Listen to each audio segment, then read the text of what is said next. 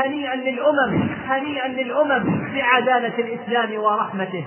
التي شملت كل شيء من أي مدرسة أو أكاديمية حرب تخرج أسامة إنها مدرسة النبوة. قارن يا أخي الحبيب بين هذا وبين ما تعانيه البشرية اليوم من هلك للحرب والنسل بل وضرب للمدنيين وأنعم بحجة القضاء على الإرهاب. ألا لا يبقين بالمدينة أحد من جند أسامة أسامة إلا خرج إلى عسكره بالجرم المحراب يا جيش وغير الله لا تخشوا فلن يحلو لنا العيش. سوى في عودتي أصفى الله أكبر. الله أكبر. يا أيها النبي حرض المؤمنين على القتال يا معشر المسلمين من أراد فرسا يقاتل عليه في سبيل الله فهذا فرسي وسلاحي أنا يا أبت الله أكبر. يا بني اخرج وفقك الله لما يحب ويرضى. لبس السلاح وركب الجواد. على مثل هذا رب النشء وإلا فلا. صلاح الدين نادانا إلى فيك الإيمان وتوحيدا وقرانا. به الرحمن قد وصى به الرحمن قد أثبت أثبت يا قاتل أبي. من أنت وما الذي حملك على قتل نفوسكم؟ إن قتل النفس في سبيل الله محمود عند الله تعالى. أيها الناس عليكم بالجهاد. عليكم بالجهاد. أبشروا. حصرت والله الروم. حصرت والله الروم. غلبت الروم. نقف هذه الليلة مع معركة من أقوى معارك الإسلام التي شهدت من البطولات ما يجعلها أقرب إلى الخيال وهي الحقيقة واليقين. كيف لا يسطر التاريخ هذه البطولات؟ وأصحابها خرجوا للشهادة وللشهادة فحسب. كيف لا يحققون نصرا تلو النصر على مر الزمن؟ وكل فرد منهم على تواضعه عظيم في ذاته. فكان الفرد يفعل الفعلة التي تكسبه مجدا وشهرة أبد الدهر ثم يخفي اسمه ولا يعلنه قانعا بثواب الله جل وتعالى وكفى. كيف لا تكون هذه المعارك ملاحم انتصارات وبطولات ومن خاضها باع دنياه بآخرته والمؤمن المجاهد يقول الله أكبر فما يكاد يسمعها حتى تطير به روحه شوقا إلى لقاء الدار الآخرة. لقد كبر المجاهدون قائلين الله أكبر. ولو كان الصوت الصادر نورا لملأ بين الفجر والضحى. وأي زمام أقوى روحانية وأشد وأوثق من زمام هذه العبارة. الله أكبر. كانت دقات في ساعة الإسلام لموعد جميل بهيج. تحن الروح إليه وتهفو. إنه موعد مع إحدى الحسنيين إما النصر وإما الشهادة. فكانت روح المجاهد المؤمن والروح أسمى من المادة الفانية تجيب لبيك ربي. قالها النبي صلى الله عليه وسلم في معركة بدر فانكسر لها كبرياء قريش وقالها خالد في اليرموك فاستحق بها جحافل الروم وقالها المسلمون في الصواري فتحول بها بحر الروم ليكون بحر الشام. وقالها صلاح الدين في حطين فتحطمت أمامها جحافل الصليبيين في القدس. وقالها قطز في عين جالوت فأنقذ الله به بقية العالم من وحشية المغول. ثم قالها أطفال الحجارة في فلسطين فارتعدت لها فرائص اليهود وصهاينة العالم. الله أكبر. فتحنا بها الدنيا وذلت لنا بها أعناق الطغاة ولانت لنا بها الأرض طوعا أو كرها كيف لا تكون هذه المعارك خالدة في التاريخ وأصحابها تركوا الشهوات ومتع الدنيا وخرجوا من جزيرتهم باعوا أنفسهم لله عز وجل. ولو ملك أحدهم الدنيا بمالها وخيراتها يبقى همه الشهادة ملكه وغنائمه كلها زائلة في نظره فأصبحت نفسه كالمنخل يوضع فيه الدقيق الناعم ليخرج منه فيمسكه كله ولا يملك منه شيئا. كانت دولة الروم الدولة الثانية في عظمتها في العالم كله توازي دولة الفرس بل أعظم في سعة الملك وقوة السلطان وازدهار الحضارة. ومناوشات المسلمين مع الروم بدأت منذ أيام الرسول صلى الله عليه وسلم. بدأت بعد أن أرسل النبي عليه الصلاة والسلام رسائله إلى ملوك وحكام البلاد خارج الجزيرة العربية يدعوهم فيها إلى الدين الحنيف. فكان رد بعضهم طيبا كالمقوقس والنجاشي وكان رد بعضهم الآخر قاسيا. فقد طرد كسرى الوفد الذي كان برئاسة الصحابي الجليل عبد الله بن حذافة السهمي. أما أمير الغساسنة الحرب ابن أبي شمر الغساني فقد قبض على رسول رسول الله صلى الله عليه وسلم فقتله وهو الحارث ابن عمير الأزدي. وليس هكذا تعامل الوفود لا قديما ولا حديثا. فأرسل النبي صلى الله عليه وسلم جيشا للاقتصاص من الأمير الغساني كان لا بد من الجزاء لهذا الأمير الذي تناسى وعن عمد أن الوفود لا تقتل مهما عملت ومهما تكلمت. فهذا عرف دولي تجاهله وتغافل عنه وهو يقول من ينزع مني ملكي أنا سائر إليه. أرسل النبي صلى الله عليه وسلم جيشا متواضعا من حيث العدد بقيادة بطل يافع ملأ الإيمان قلبه إنه زيد بن حارثة. وقال النبي صلى الله عليه وسلم إن أصيب زيد فجعفر بن أبي طالب على الناس فإن أصيب جعفر فعبد الله بن رواحة على الناس. سار الجيش بقيادة زيد وعدده ثلاثة آلاف فقط وودع زيد رسول الله صلى الله عليه وسلم والدموع في عينيه لا خشية الموت. لأنه خارج لملاقاته بل دمعت عيناه رضي الله عنه لأنه استشف في روحه وقلبه أنه لن يرى رسول الله صلى الله عليه وسلم في هذه الدنيا بعد يومه هذا. سمع الروم بقدوم هذا الجيش الذي خرج إليهم فأعدوا له عدة كأنهم يعدونها لدولة الفرس فكان مجموع ما جمعوا من الروم والعرب مائتي ألف على أقل تقدير. وكيف تتمكن فئة عددها؟ ثلاثة آلاف فقط أن تجابه هذه القوة. تطاول الروم وظنوا أن النصر قد تحقق لهم وطمعوا أن يسحقوا الدعوة في مهدها في المدينة.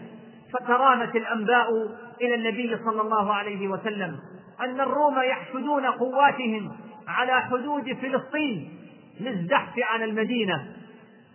فجهز عليه الصلاة والسلام جيشا في شهر رجب من السنة التاسعة من الهجرة ويسمى هذا الجيش جيش العسرة لأن التأهب للخروج كان في زمن عسرة من الناس وشدة من الحر وجذب من البلاد وحين طابت الثمار والناس يحبون المقام في ثمارهم وظلالهم ويكرهون الشخوص على هذه الحال من الزمان الذي هم فيه.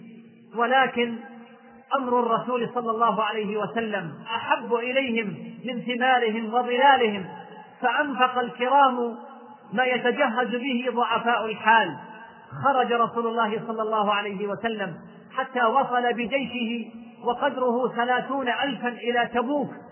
أقام المسلمون بتبوك بضع عشرة ليلة لم يجدوا أثناءها أي جيش رومي حيث انسحب شمالا خوفا ورعبا من الثأر فرجع الجيش إلى المدينة وهذه الغزوة آخر مرة خرج بها رسول الله صلى الله عليه وسلم بنفسه محاربا وغازيا.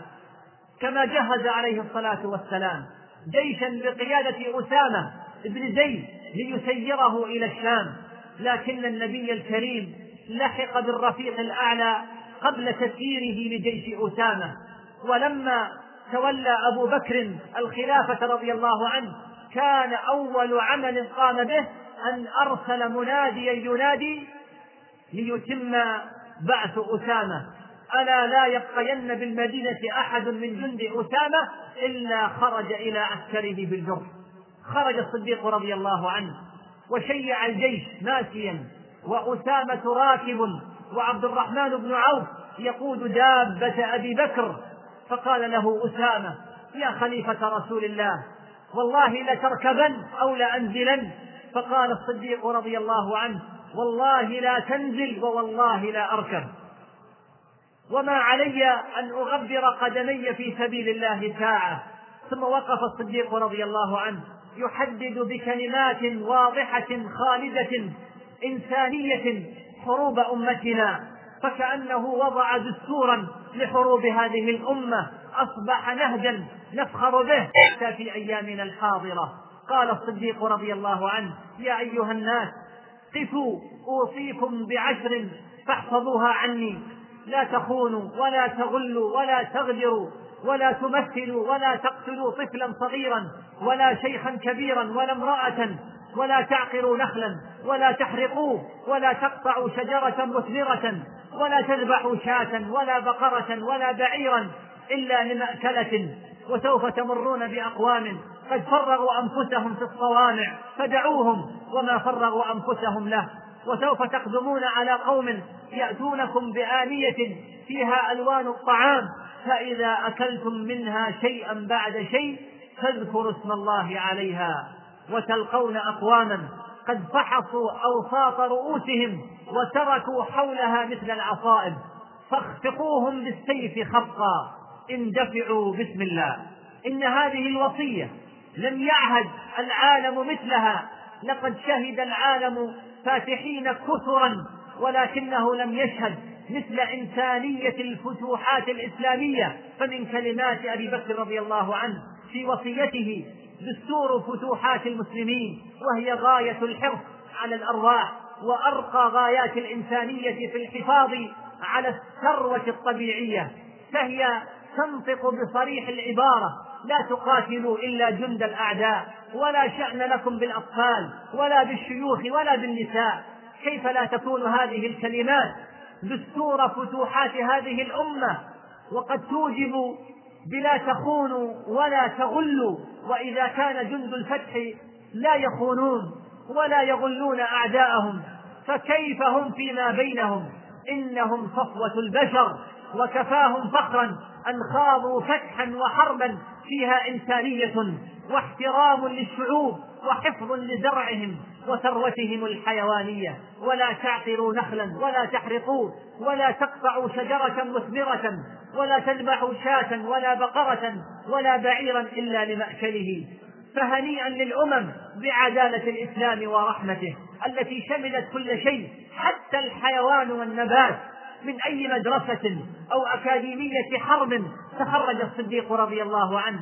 إنها مدرسة النبوة قارن يا أخي الحبيب بين هذا وبين ما تعانيه البشرية اليوم من هلك للحرث والنسل بل وضرب للمدنيين وعن عمد بحجة القضاء على الإرهاب وبعد الانتهاء من حروب الردة وتسيير خالد من اليمامة إلى العراق في سنة ثلاث عشرة من الهجرة جهز الصديق رضي الله عنه الجيوش إلى الشام فبعث عمرو بن العاص إلى فلسطين. وسير يزيد بن أبي سفيان وأبا عبيدة بن الجراح وشرحبيل بن حسنة آمرا إياهم أن يسلكوا طريق تبوك على البلقاء إلى الشام. وكان عدد كل لواء من هذه الألوية الأربعة ثلاثة آلاف. ثم توالت النجدات فيما بعد. وصل الأمراء إلى الشام. فنزل أبو عبيدة الجابية على طريق الشام. ونزل يزيد البلقاء ونزل شرحبيل الأردن. أما عمرو فقد وصل إلى وادي عربة. عين الصديق رضي الله عنه لكل منهم الولاية التي يتولاها بعد الفتح. فجعل لعمر فلسطين وليزيد دمشق ولأبي عبيدة حمص ولشرحبيل الأردن. سار الأمراء الليوث الأسود إلى أهدافهم. فبلغ الروم ذلك. فكتبوا إلى هرقل فجاء من حمص وأعد هرقل إمبراطور الروم وعظيمهم الجند وجمع العساكر وهو يعلم يقينا من هم المسلمون الذين خبر شدة بأسهم وقوة إيمانهم بعد أن أجرى أشد الامتحانات قسوة وضراوة على عبد الله بن حذافة السهمي رضي الله عنه ليرده عن دينه فاستعصى عليه ذلك. وعلم صحة هذا الدين وسلامة معتقده وأنه دين ظاهر وغالب لا محالة بعد حواره مع سيد قريش أبو سفيان بن حرب قبل أن يسلم حينما ختم الحوار بقوله لأبي سفيان إن صدقتني فإن محمدا وأصحابه سيملكون ما تحت قدمي هاتين ولو تجشمت لقاءه لغسلت قدمي وشربت مرقتها. لذلك عندما قرر هرقل عظيم الروم خوض اليرموك مع المسلمين حشد كل قوى إمبراطوريته ليدخل معركة حياة أو موت وأراد أن يشغل قواد المسلمين بعضهم على بعض لكثرة جنده وفضول رجاله. أراد أن يحاربهم متفرقين. لكن عمرو بن العاص تنبه لهذا الأمر. فسأل الجميع بكتب مستعجلة ما الرأي فكاتبهم وراسلهم أن الرأي الاجتماع وذلك أن مثلنا إذا اجتمع لم يغلب من قلة.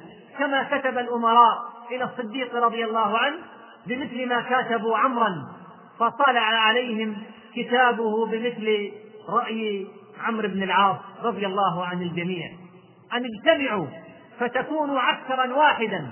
بلغ ذلك هرقل فكتب إلى بطارقته أن اجتمعوا وانزلوا بالروم منزلا واسع العطن واسع المخرج ضيق المهرب وعين عليهم قائده التدارك. فنزلوا الوقوفة وهي على ضفة اليرموك وصار الوادي خندقا لهم. انتقل المسلمون من عسكرهم الذي اجتمعوا به فنزلوا عليهم بحذائهم على طريقهم. وليس للروم طريق إلا عليهم. فقال عمرو رضي الله عنه أيها الناس أبشروا حصرت والله الروم وقلما جاء محصور بخير. إذ أن الروم تتحرك في منبطح فسيح من الأرض تحيط به من ثلاث جهات الجبال المرتفعة فهم محصورون وبقي المسلمون أمامهم شهر صفر من سنة ثلاث عشرة وشهرين ربيع لا يقدرون من الروم على شيء. فكتبوا إلى الصديق رضي الله عنه وأعلموه بذلك في صفر. فماذا فعل الصديق رضي الله عنه؟ كتب إلى خالد بن الوليد ليلحق بهم وأمره أن يخلف على العراق المثنى بن حارثة. علم الصديق خطر المعركة وحرج الموقف وقلة عدد جيشه. وكثرة عدد جيش عدوه فاختار لهذه المعركة الحاسمة بطل حروب الردة وقاهر الفرس وسيف الله المسلول. وقال الصديق رضي الله عنه لأصحابه خالد لها. ثم قال رضي الله عنه كلمات سطرها التاريخ سطرها التاريخ بالذهب والله لأنسين الروم وساوس الشياطين بخالد بن الوليد. وكتب الصديق لخالد. سر حتى تأتي جموع المسلمين باليرموك فإنهم قد شجوا وأشجوا. فمن هو خالد ابن الوليد رضي الله عنه؟ هذا الذي قال فيه ما قاله أبو بكر رضي الله عنه. أسلم خالد بعد الفتح وقبل الحديبية فكان إسلامه نصرا للإسلام والمسلمين. بدأ خالد رضي الله عنه حياته الإسلامية جنديا تحت إمرة النبي صلى الله عليه وسلم وهو أطوع ما يكون الجندي في جيش. والحرب محك الرجال ومظهر الأبطال ومصنع العباقرة ومن عجيب صنع الله تعالى في حياة هذا القائد الموفق أن تكون أولى مواقفه الإسلامية هي أول موقعة يقف فيها الإسلام أمام أعظم دولة في التاريخ وهي دولة الرومان وجها لوجه وقد قتل في مؤتة وهي أول وقعة إسلامية حضرها خالد رضي الله عنه ثلاثة أمراء كان النبي صلى الله عليه وسلم عينهم ورتب إمارتهم على الجيش فالتفت المسلمون إلى أنفسهم وهم في أشد الحرج ليقيموا عليهم أميرا يقودهم في هذه الحرب الضروس فلم يجدوا فلم يجدوا في بديهتهم من يسعفهم في محنتهم أشجع من خالد ولا أبرع سياسة في الحرب منه. فاختاروه رضي الله عنه لقيادتهم. فماذا عسى فماذا عسى أن يصنع في قيادة جيش نالت منه الحرب؟ أقسى ما تناله في جيش قليل العدد بعيد المدد يواجه جيوشا ضخمة في أهبة تامة وعدة كاملة.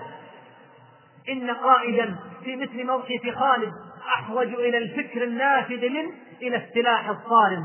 وقد حمى الله تعالى خالدا من ثاقب الفكر ومحكم التدبير وبارع السياسة بما أغنى عن الإمداد والسلاح. فقرر رضي الله عنه أن يطلق لهذا الجيش عنان الفرار والهرب وحسبه من الغنيمة أن يكون قد نجى كتيبة المسلمين من فناء محقق فأثنى عليه النبي صلى الله عليه وسلم بقوله ففتح الله عليه وعلى أصحابه بأنهم الكرارون فلم يكن فراره رضي الله عنه عن جبن ولكنها حكمة القائد المظفر الذي لا يعجزه جيش ولا خطوب فقد كان يطلب النصر في مظانه حتى لو كانت في عنان السماء. فها هو يقول لأهل تدمر عندما استعصوا عليه والله لو كنتم في السحاب لأنزلناكم وظهرنا عليكم ما جئناكم إلا ونحن نعلم أنكم ستفتحون لنا. فقال عقلاء تدمر لقومهم إنا لا نرى هؤلاء القوم إلا الذين كنا نتحدث عنهم أنهم يظهرون علينا فافتحوا لهم فبعثوا إلى خالد فصالحوه.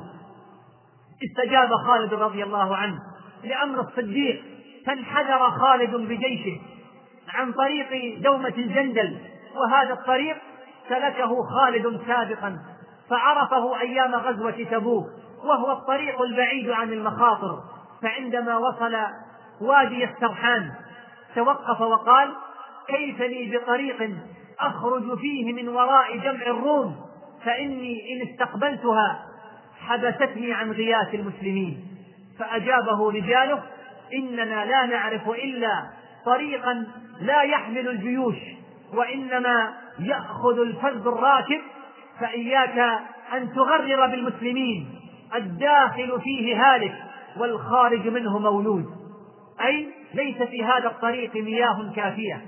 تفي بحاجة جيش عدده تسعة آلاف. هذا تحذير له خطورته. ولكن عزيمة خالد تذلل مشقة وخطورة هذا الطريق.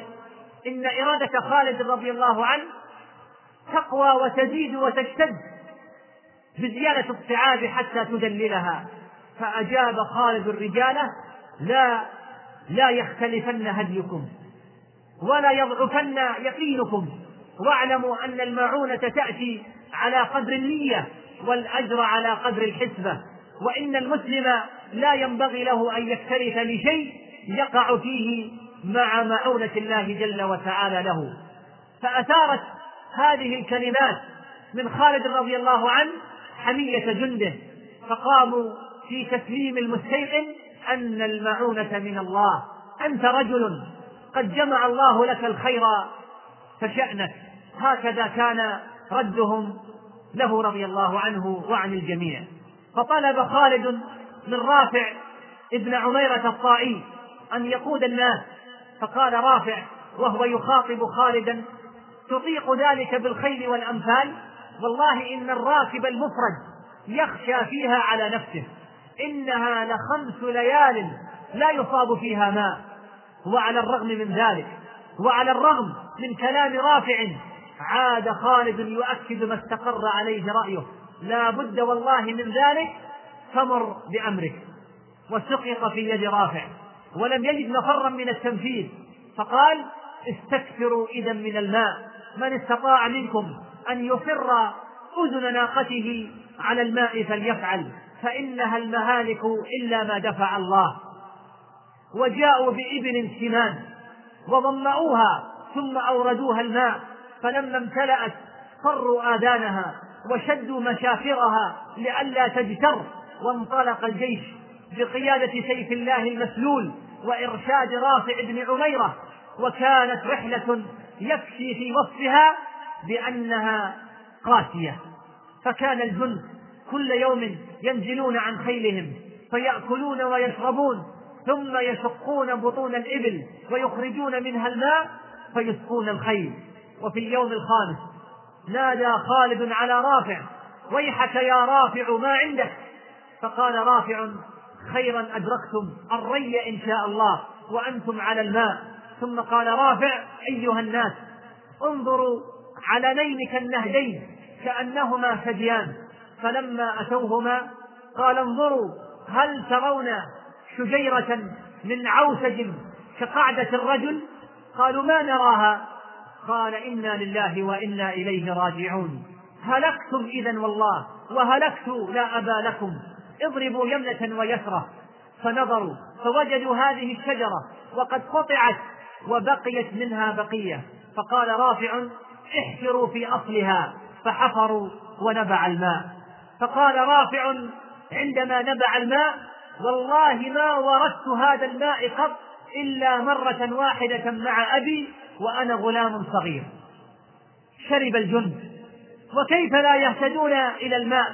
والعناية الإلهية ترعاهم وتكلأهم فهم جند الله الأخيار. إن هذه المفازة التي قطعها خالد بنفسه وجيشه من العراق إلى الشام هي المعروفة الآن ببادية الشام وهي اليوم طريق السيارات بين دمشق وبغداد وهي زهاء ثمانمائة وستين ميلا. قطعها خالد بجيشه في خمسة أيام. إن الإرادة الصادقة. لا تعرف الحدود ولا تعترف بقيمة الحواجز المادية التي تصادفها في طريقها إلى غاياتها النبيلة وبطل الإسلام خالد واحد من أحداث الأبطال الذين استنارت صفحات التاريخ بأسمائهم. وسفره من العراق إلى الشام بجحافله وأثقالها من أعجب ما رواه التاريخ في سير الأبطال. تقدم خالد بجيشه. فدخل السوى ثم إلى تدمر وانحدر إلى أدرعات وأغار على غسان في مرج راهط واتصل بأبي عبيدة وشرحبيل ويزيد على قناة بصرى. وتقدمهم واقتحموا جميعا بصرى ثم ساروا جميعا إلى فلسطين مددا لعمرو بن العاص واكتملوا عقد المسلمين جميعا عند اليرموك. فرح المسلمون بخالد. فرح المسلمون بقدوم خالد.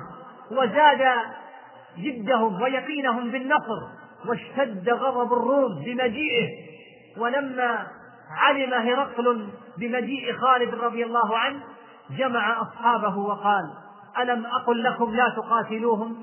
فإنه لا قوام لكم على هؤلاء القوم إن دينهم جديد لا يقوم لهم أحد حتى يبلى. فغضب أصحابه وقالوا له قاتل ولا تجبن الناس واخذ الذي عليك ولكن هرقل. علم أنه لا قبل له بهؤلاء الأبطال. فقال أرى من الرأي ألا تقاتلوا هؤلاء القوم وأن تصالحوهم.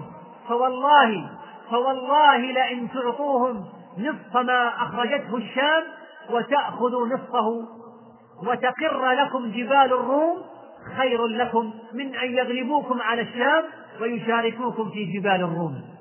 ومما زاد في حيرة هرقل وارتباكه وحيرة جنده وارتباكهم أنه أشاع بعض الروم في بلاد الشام وهم متيقنون كأنهم يصفون شيئا مشاهدا أن خالدا في يده سيف نزل من السماء أعطاه له رسول الله فلا يقاتل به قوما إلا انتصر عليهم.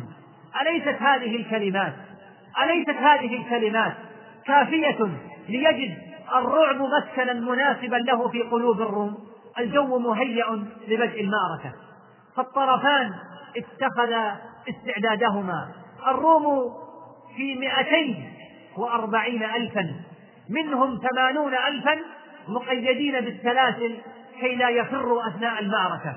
والمسلمون سبعة وعشرون ألفا. ممن كان مقيما إلى أن قدم عليهم خالد في تسعة آلاف فبلغوا ستة وثلاثين ألفا. ومما يذكر أن الصديق رضي الله عنه في هذه الأثناء مرض وتوفي رضي الله عنه من نصف من جماد الآخرة قبل الفتح بعشر ليال.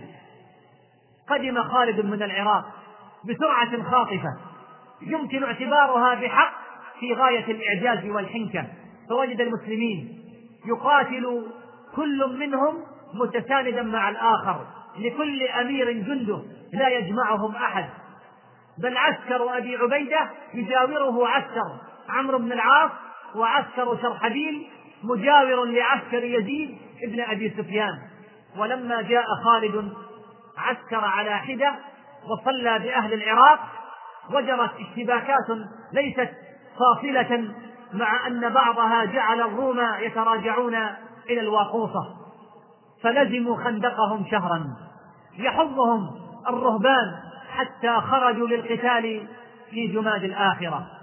أحس خالد بخروجهم متساندين لقتالهم. فسار خالد بين المسلمين وقال بعد أن حمد الله وأثنى عليه إن أبا بكر لم يبعثنا إلا وهو يرى أن سنتياسر ولو علم بالذي كان ويكون لجمعكم إن الذي أنتم فيه أشد على المسلمين مما قد غشيهم وأنفع للمشركين من إمدادهم. ولقد علمت أن الدنيا فرقت بينكم فالله الله فقد أفرد كل رجل منكم ببلد من البلدان لا ينتقصه منه أن دان لأحد من أمراء الجنود ولا يزيده عليه أن دانوا له. إن تأمير بعضكم لا ينتقصكم عند الله. ولا عند خليفة رسول الله صلى الله عليه وسلم. هلموا فإن هؤلاء قد تهيأوا وهذا يوم له ما بعده. إن رددناهم إلى خندقهم اليوم فلم نزل نردهم.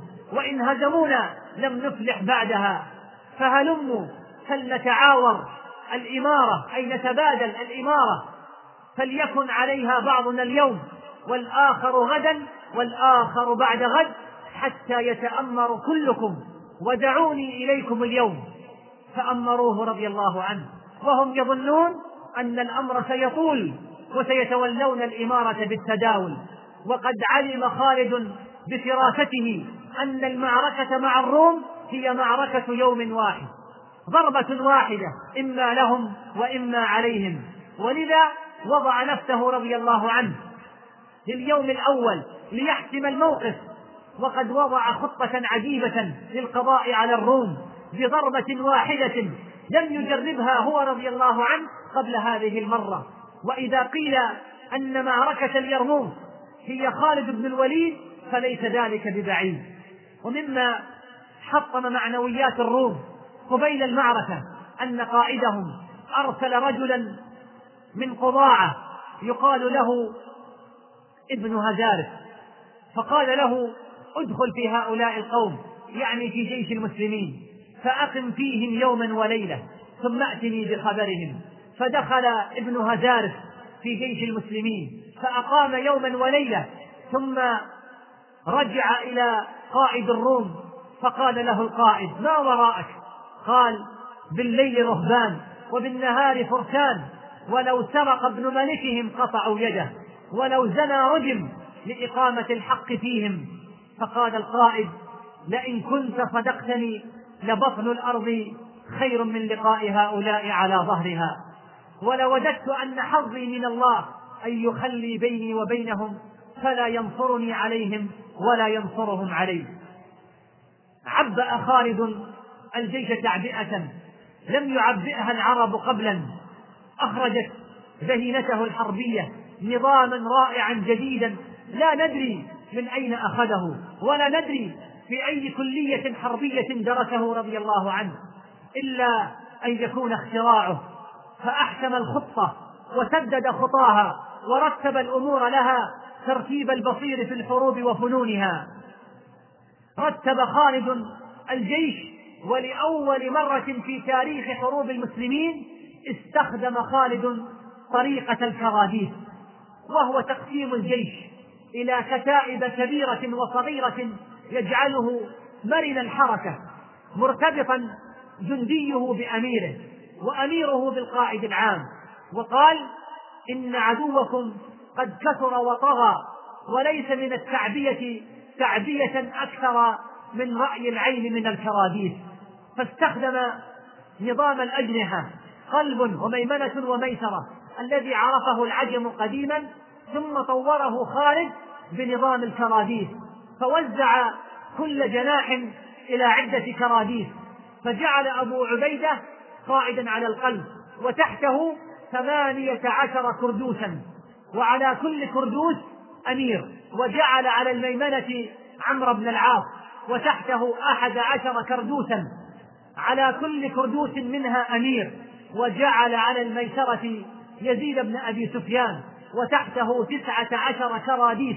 على كل كردوس أمير. أما القاضي فكان أبو الدرداء وكان القاف أبو سفيان بن حرب يحمس الناس على الروم وكان على الطلائع قباس بن أشيم وكان على الأقباط عبد الله بن مسعود وكان القارئ المقداد بن عمرو. وكانت السنة التي سنها رسول الله صلى الله عليه وسلم بعد غزوة بدر أن تقرأ سورة الجهاد عند لقاء العدو وهي سورة الأنفال ولم يزل الناس بعد ذلك على ذلك. وقد قرأت هذه السورة في اليرموك من قبل المقداد بن عمرو. وما أدراك من المقداد؟ إنه بألف رجل في إيمانه وقوته. فشعت هذه المعاني نورا في قلوب المجاهدين في سبيل الله. شهد اليرموك ألفا من أصحاب النبي صلى الله عليه وسلم. فيهم نحو مائة من أهل بدر. وكان أبو سفيان يسير فيقف على الكراديس ويقول الله الله إنكم زادة العرب وأنصار الإسلام وإنهم زادة الروم وأنصار الشرك. اللهم إن هذا يوم من أيامك. اللهم أنزل نصرك على عبادك. وبينما كان خالد يرتب الجيش ويفتش بينهم. قال له رجل ما أكثر الروم وأقل المسلمين؟ ما أكثر الروم وأقل المسلمين؟ فقال خالد بل ما أقل الروم وأكثر المسلمين. إنما تكثر الجنود بالنصر وتقل بالخذلان لا بعدد الرجال. ثم نطق رضي الله عنه بكلمات خالدة خلود الزمن كلمات ما قالها إنسان قبله وما قالها إنسان بعده. قالها وهو صادق فيما يقول ويعي ما يتحدث. إنها عزيمة الصدق وصدق العزيمة. إنها قوة الإيمان وإيمان القوة. قالها خالد ويكفينا أن نقول إنه خالد. قالها فندع للخيال فسحة ليفكر بهذه الشخصية التي عجزت عجزت النساء أن تلد مثلها. ماذا قال رضي الله عنه؟ أقسم بالله ثم قال والله لوجدت أن الأشقر براء منك وجيه وأنهم أضعف العدد. ماذا تعني هذه الكلمات؟ الأشقر نوع من الخيل فيها حمرة صافية يحمر معها العرف والذنب. أما وجه الفرس فهو أن يشتكي الفرس باطن حافره. وفرس خالد الأشقر أصيب في حافره عند مجيئه من العراق. وهذه الكلمات تعني بوضوح بعد إجراء معادلة بسيطة ما يلي. إذا في تربية هذه الأمة أصبح خالد لا يعادل ربع مليون من الروم بل فرسه الأشقر يعادل مئتين وأربعين ألف رجل من الروم. فإذا كان فرس خالد بهذه القيمة فما هي قيمة خالد؟ ما قيمة خالد؟ هل نقول الملايين الله أكبر يا أمة الإسلام كيف نهضت وكيف تقدمت وكيف فتحت الدنيا ألا يحق لنا إذا سمعنا بخالد وأمثاله من أبطالنا أن نطأطئ رؤوسنا إجلالا وترف الروح فرحا وتحنو الروح شوقا وعشقا ومحبة. لقد ألهب كلمات خالد حماس المجاهدين فتشوقوا إلى الشهادة فانطلقوا بعد سماعها كالسهام إلى صدور الأعداء.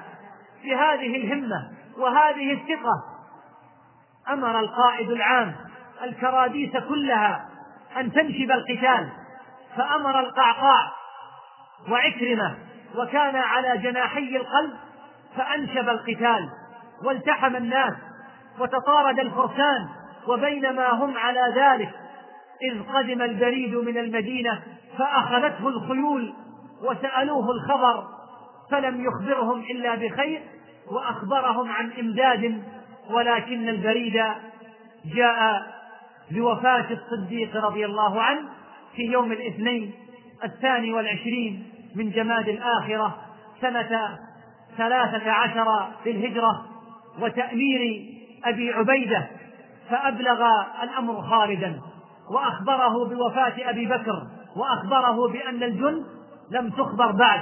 فقال خالد لحامل البريد أحسنت فقدت.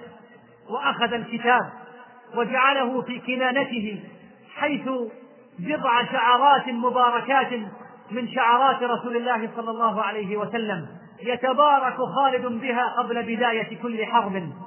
وخاف إن هو أظهر ذلك أن ينتشر الأمر في الجند فوقف محمية بن دليل وهو الذي جاء بالخبر مع خالد.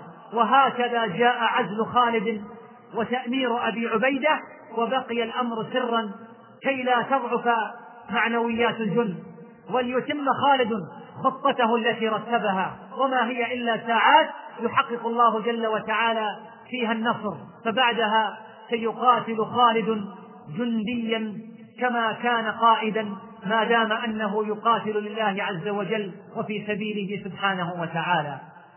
وزحفت وزحفت صفوف الروم من مكانها إلى المسلمين يدفون دفيفا وقد رفع الصلبان وأقبل معهم الأساقفة والقسيسون والرهبان والبطارقة مما يعني أن الروم قد عبأوا للمعركة تعبئه دينية تقدم الروم ولهم دوي كدوي الرعد وقد تبايع عظماؤهم على الموت ودخل منهم ثلاثون ألفا كل عشرة في سلسلة حتى لا يفروا. نظر المسلمون إلى رايات الروم تقترب منهم وتدنو فقال أبو عبيدة أمين هذه الأمة لا حول ولا قوة إلا بالله العلي العظيم. ثم قال أين أبو سليمان؟ خالد بن الوليد. فأجابه خالد بالتلبية. فقال أبو عبيدة أنت لها يا أبا سليمان. فابرز في أبطال المسلمين وصد عن الحريم وخذ صفوة الرجال واستعد للحرب بآلاتها. فقال خالد حبا وكرامة. ونادى رضي الله عنه. وقال أين الزبير بن العوام؟ أين عبد الرحمن بن أبي بكر؟ أين الفضل بن العباس؟ أين يزيد بن أبي سفيان؟ أين ميسرة ابن مسروق العبسي؟ أين مسرة بن قيس ابن عبد الله الجهني؟ أين صخر بن حرب الأموي؟ أين عمارة الدوسي؟ أين عبد الله بن سلام؟ أين غانم الغنوي؟ أين المقداد بن الأسود؟ أين أبو ذر الغفاري؟ أين عمرو بن معدي كرب الزبيدي؟ أين عمار بن ياسر العبسي؟ أين ضرار بن الأزور؟ أين عامر بن الطفيل؟ أين أبان ابن عثمان بن عفان؟ وجعل خالد يدعوهم رجلا بعد رجل من أصحاب النبي صلى الله عليه وسلم. وهؤلاء كل واحد منهم يلقى فئة كثيرة. فكيف إذا اجتمعوا؟ جمعهم خالد ليضربوا عدوهم الضربة القاضية. ثم طاف معاذ بن جبل في الناس محرضا وهو يقول يا أهل الدين ويا أنصار الهدى والحق اعلموا رحمكم الله تعالى أن رحمة الله لا تنال إلا بالعمل والنية ولا تدرك بالمعصية والتمني بغير عمل مرض ولا تدخل الجنة إلا بالأعمال الصالحة مع رحمة الله. ولا تؤتى الرحمة والمغفرة الواسعة إلا الصابرون والصادقون. ألم تسمعوا قوله جل من قائل وعد الله الذين آمنوا منكم وعملوا الصالحات ليستخلفنهم في الأرض كما استخلف الذين من قبلهم وليمكنن لهم دينهم الذي ارتضى لهم وليبدلنهم من بعد خوفهم أمنا. فاستحيوا من الله أن يراكم في فرار من عدوكم وأنتم في قبضته ليس لكم ملجأ من دونه. كذلك خرج أبو سفيان وسهيل بن عمرو وحمسوا الناس بمثل هذه الكلمات. قال ورقة بن مهلهل وكان صاحب راية أبي عبيدة في اليرموك كان من أوائل من افتتحوا الحرب غلام من الأزد حدثا كيسا. قال لأبي عبيدة أيها الأمير إني أردت أن أشفي قلبي وأجاهد عدوي وعدو الإسلام وأبذل نفسي في سبيل الله تعالى لعلي أرزق الشهادة. فهل تأذن لي في ذلك؟ وإن كان لك حاجة إلى رسول الله صلى الله عليه وسلم فأخبرني بها. فبكى أبو عبيدة وقال اقرئ رسول الله صلى الله عليه وسلم مني السلام وأخبره أنا وجدنا ما وعدنا ربنا حقا. ثم اندفع الغلام. هل لك أن تتصور يا أخي الحبيب قوة دفاع هذا الغلام الأزدي إلى الجهاد في سبيل الله؟ وهل لك أن تتصور أمة هكذا أبناؤها؟ هل تغلب؟ خرج لهذا الغلام المتقدم بين الصفين علج من الروم جاء إليه على فرس أشهب. فلما رآه الغلام هذا الغلام الصغير قفل نحوه وهو يقول لا بد من طعن وضرب صائب بكل لدن وحسام قاضب عسى أن أفوز بالمواهب في جنة الفردوس والمراتب فحمل كل منهما على صاحبه وابتدأ الغلام الأزدي الرومي بطعنة فجندله صريعا وأخذ جواده وعدته وسلم ذلك لرجل من قومه وعاد مرة أخرى إلى المبارزة فخرج إليه آخر فقتله وثالث فقتله ورابع فقتله فخرج إليه خامس فقتل الغلام الأزدي فغضبت الأزد ودنت من صفوف المشركين يشدهم الحماس بعد بطولات غلامهم هنيئا له الشهادة فقد لقي من أحب وأراد لقي رسول الله صلى الله عليه وسلم ولا ندري كم كان من هذه البطولات لغلمان هذه الأمة قد سطرها التاريخ وعلى مثل هذا يربى النشء وإلا فلا. قصة أخرى والقصص أيها الأحبة والقصص الفردية في اليرموك كثيرة وكثيرة جدا ولا يسع المجال لسردها لكن ننتقي بعضها في هذه العجالة.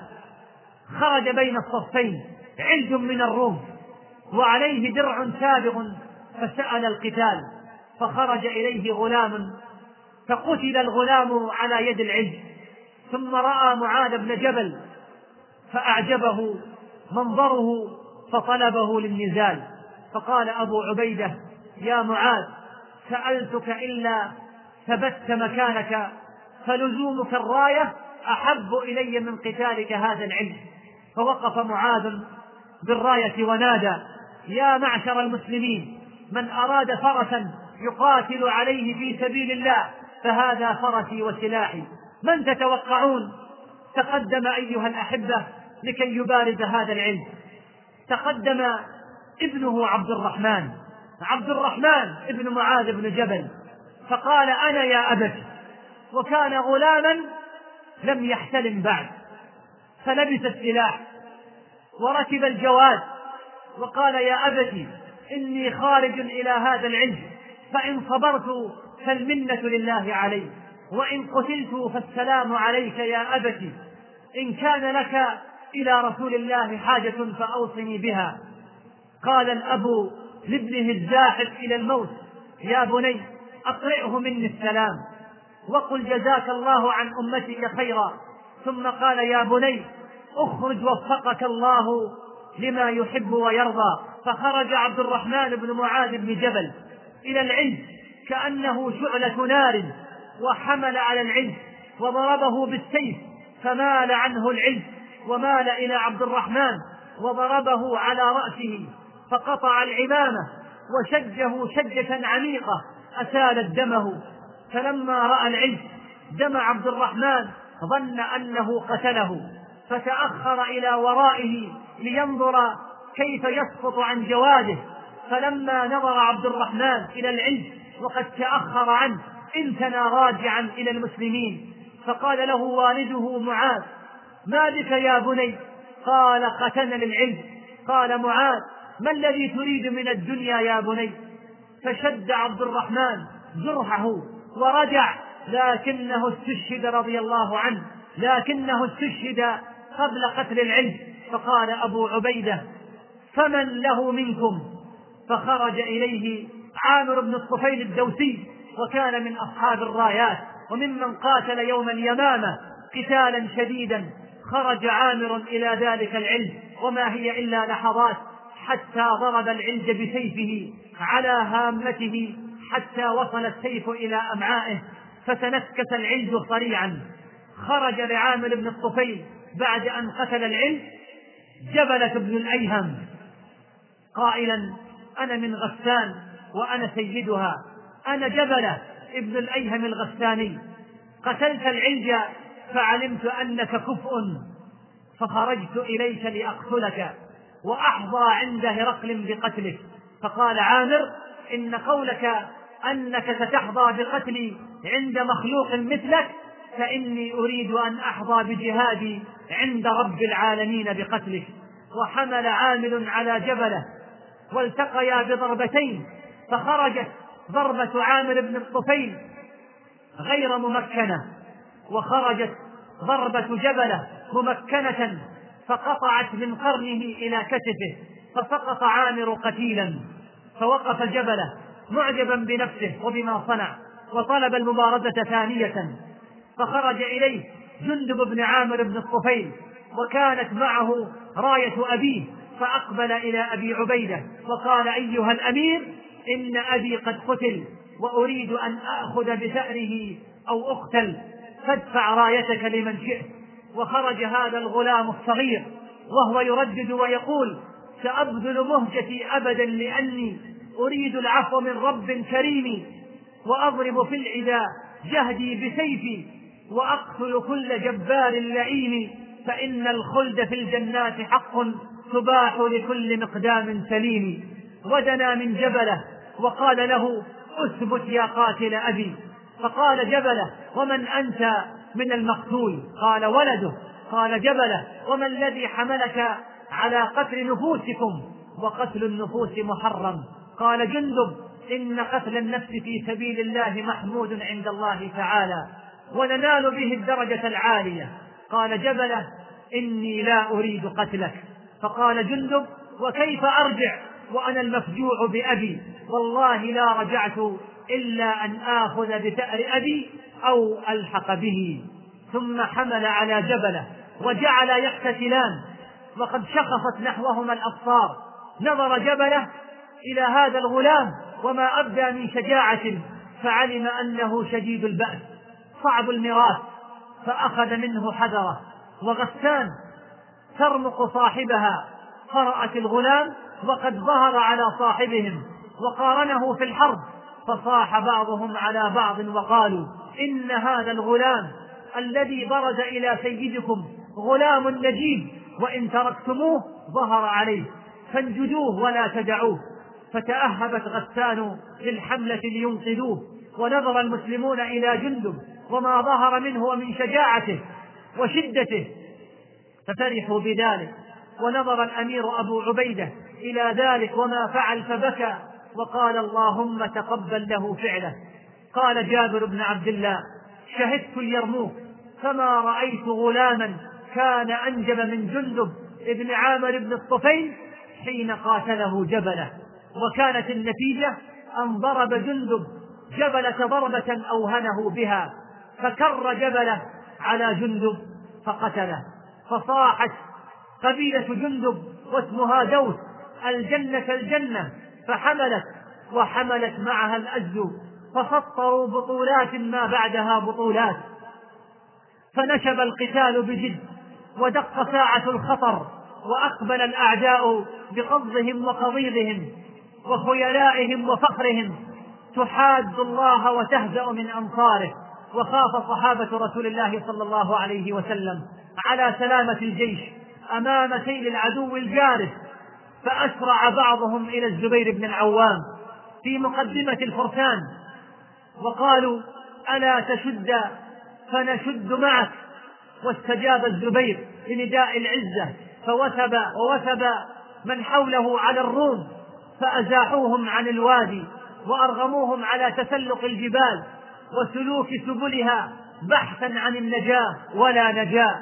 وقال المسلمون لله در الزبير بن العوام وهاشم بن المر فقد أرجعوا الروم بعد زحفهم. وممن أظهر شجاعة لا نظير لها في اليرموك غار بن الأزور الذي قتل أميرا روميا فخرج فارس رومي يطلب المبارزة فخرج إليه الزبير فقتله.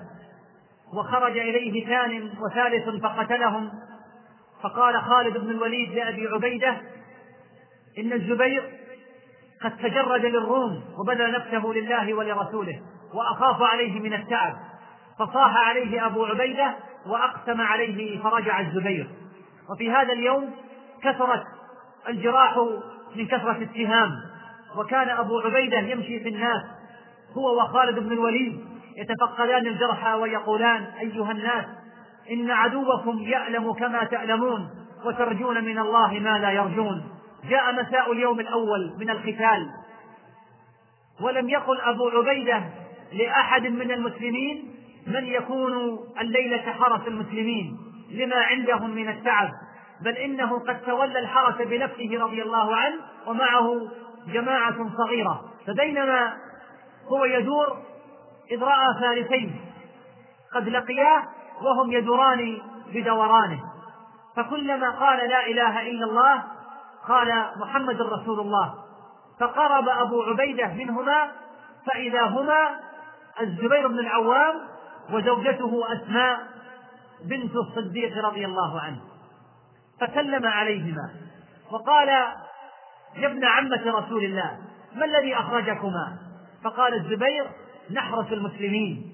وذلك أن أسماء قالت إن المسلمين مشتغلون بأنفسهم في هذه الليلة عن الحرس بما لحقهم من التعب في الجهاد طوال يومهم. فهل لك أن تساعدني على حرس المسلمين؟ فأجبتها إلى ذلك.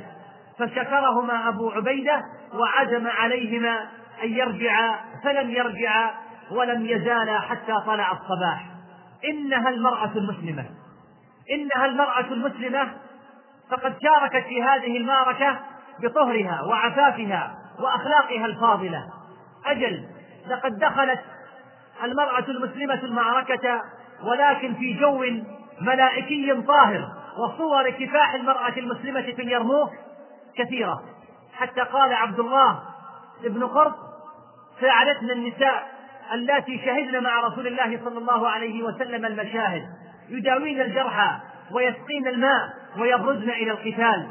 ولم أر من نساء قريش اللائي قاتلنا بين يدي رسول الله صلى الله عليه وسلم ولا في اليمامة مع خالد مثل ما قاتلت نساء قريش يوم اليرموك. ومن النساء التي قاتلن في اليرموك خولة بنت الأزور وأم حكيم بنت الحرب وسلمى بنت لؤي وأسماء بنت أبي بكر التي قاتلت إلى جانب زوجها الزبير بن العوام. ومما حدث في اليرموك أيضا. أن حملت خولة بنت الأزور على عز رومي كان قد حمل على النساء فاستقبلته خولة بالسيف فضربها العلج بسيفه على رأسها فأسال دمها وسقطت على الأرض فصاحت عفيرة بنت عفان. حين رأتها صريعة ونادت فجع والله ضرار في أخته. فأخذت رأسها على ركبتها والدم قد صبغ شعرها وقالت لها كيف تجدك يا ابنة الأزور؟ فقالت خولة أنا بخير إن شاء الله تعالى ولكني هالكة لا محالة. فهل لك علم بأخي ضرار؟ فقالت عفيرة يا ابنة الأزور ما رأيته؟ فقالت خولة اللهم اجعلني فداء لأخي ولا تفجع به الإسلام. قالت عفيرة فجهدت أن تقوم معي. فلم تقم فحملناها إلى أن أتينا بها إلى موضعها. فلما كان الليل رأيتها وهي تدور تسقي الرجال. وكأن ليس بها ألم قط. ونظر إليها أخوها والضربة في رأسها فقال لها ما بك يا خولة؟ فقالت ضربني علج قتلته عفيرة. وأيضا من مواقف النساء في اليرموك.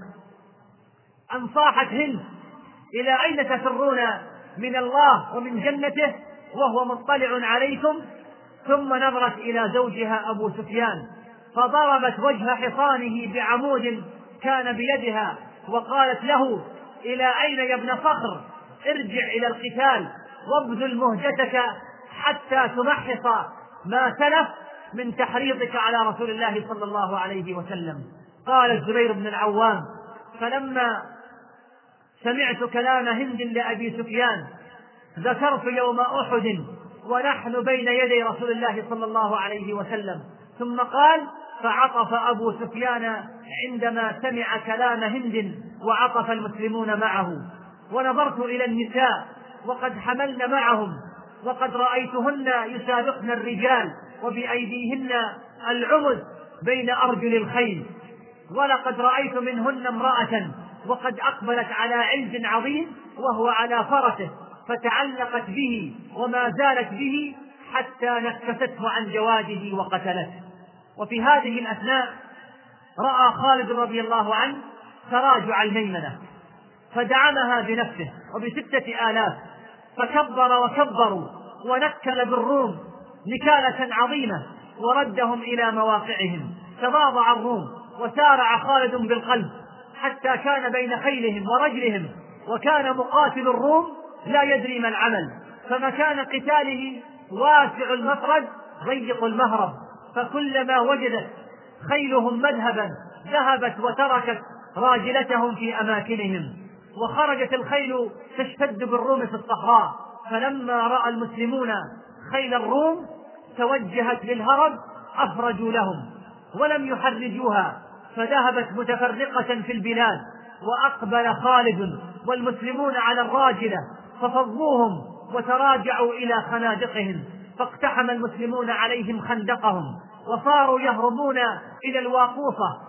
ولكن المقرنين بالسلاسل هووا في الخنادق والوادي وما صبر منهم من المقترنين للقتال هوى به من خاف وهرب أو قتل فسقط أرضا فكان يهوي الواحد بالعشرة لأنهم لا يطيقونه.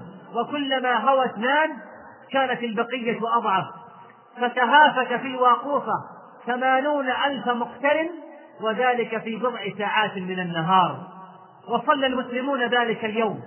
الظهر والعصر إيماء أثناء القتال. وفي اليوم الثاني وقف عكرمة بن أبي جهل يومئذ وقال قاتلت رسول الله صلى الله عليه وسلم في كل موطن وأفر منكم اليوم ثم نادى من يبايع على الموت؟ من يبايع على الموت؟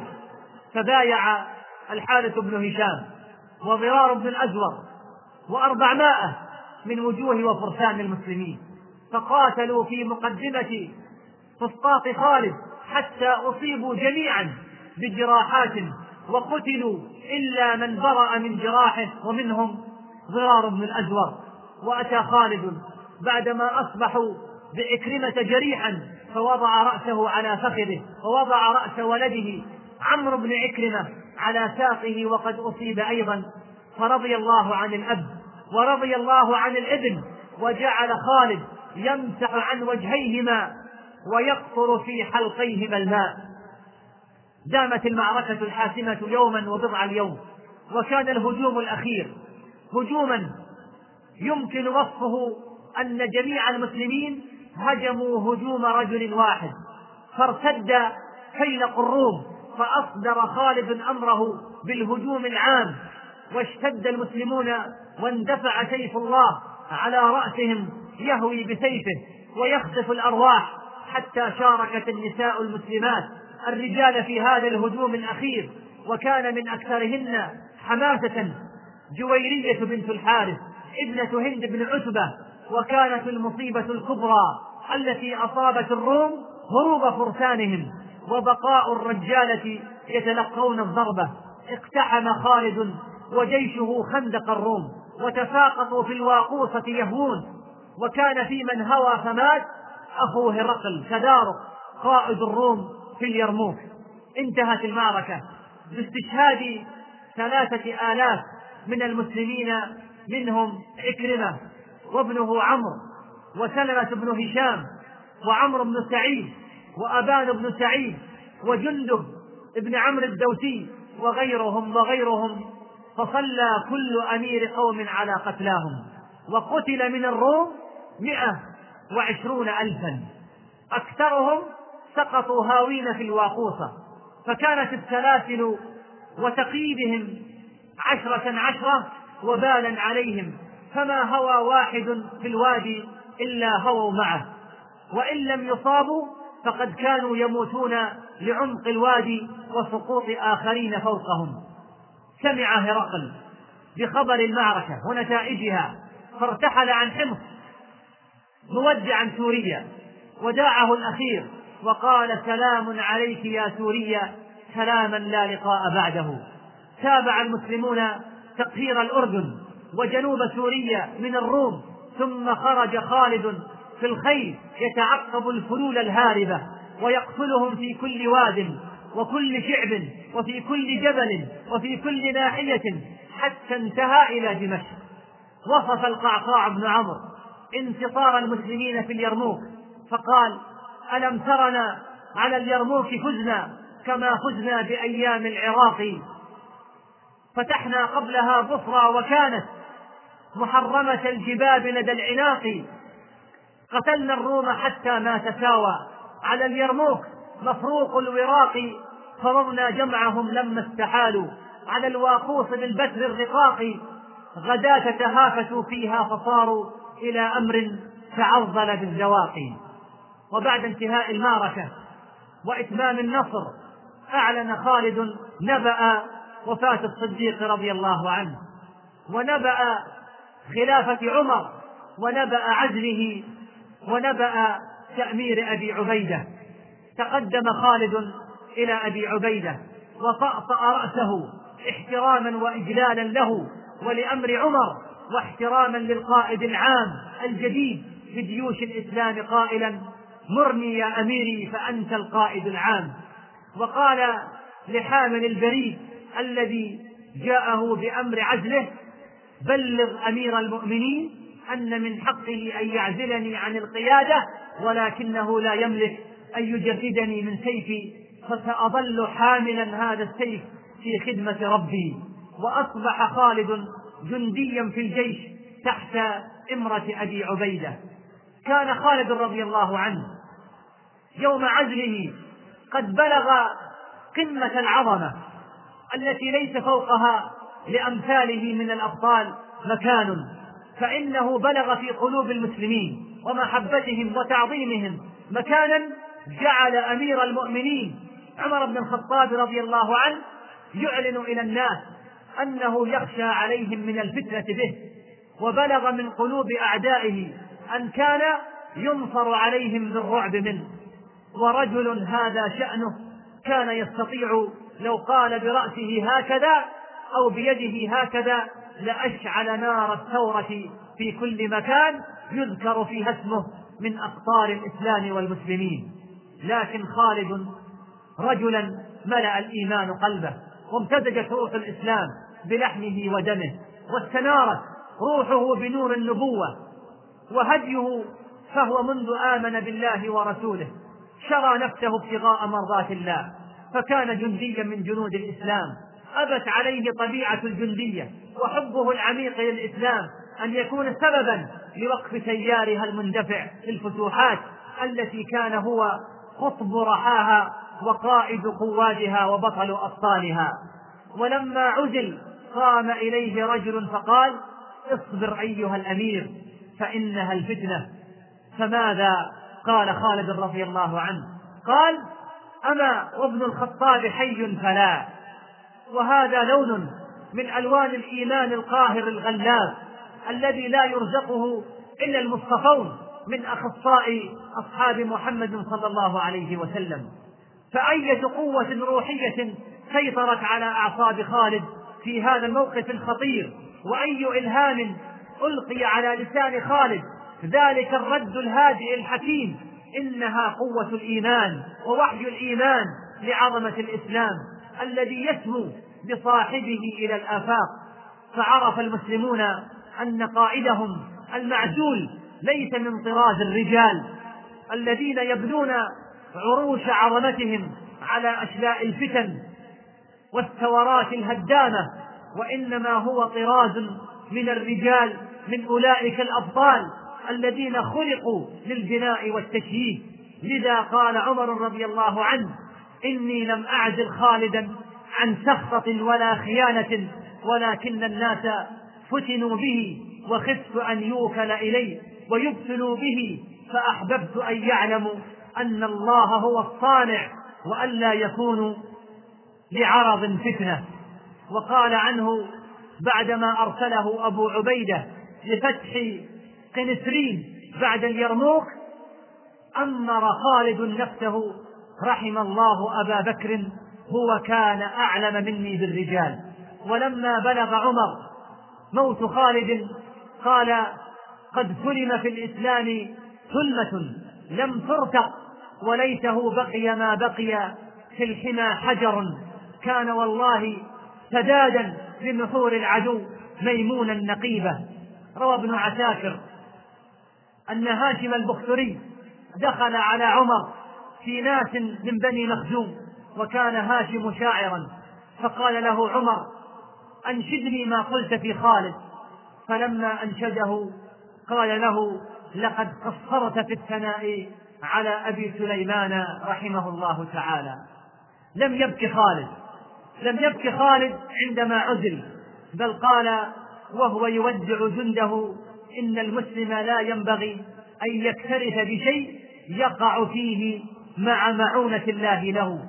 لكنه بكى رضي الله عنه وهو يحتضر على فراشه وقال لقد حضرت كذا وكذا زحفا وما في جسدي موضع شبر إلا وفيه ضربة من سيف أو رمية من سهم. أو طعنة من رمح وها أنا ذا أموت على فراشي حتف أنفي كما يموت العير فلا نامت أعين الجبناء. ولقد طلبت القتل في مضانه فلم يقدر لي إلا أن أموت على فراشي وما من عمل أرجى عندي بعد لا إله إلا الله من ليلة شديدة الجليد. في سرية من المهاجرين بتها وأنا متكرس والسماء تنهل علي وأنا أنتظر الصبح حتى أغير على الكفار فعليكم بالجهاد. رحم الله أبا سليمان. كان نموذجا فريدا في العبقرية العسكرية والبطولية الحربية وإن أبرز خاصية في خالد خصيصة الجندية والتي كانت عنوانا لكل فصل من فصول حياته رضي الله عنه. إنه خالد رجل حرب وقائد جحفل وفارس ميدان فاقئ عين الردة وفاتح العراق ومدوخ فارس. إنه بطل الإسلام وربيب الجهاد وقائد جيوش الإسلام المظفرة. لقد أعلنها لهذه الأمة صريحة واضحة وهو على فراش الموت عليكم بالجهاد عليكم بالجهاد. والحمد لله أولا وآخرا وظاهرا وباطنا وأصلي وأسلم على نبينا محمد وعلى آله وصحبه وسلم تسليما كثيرا.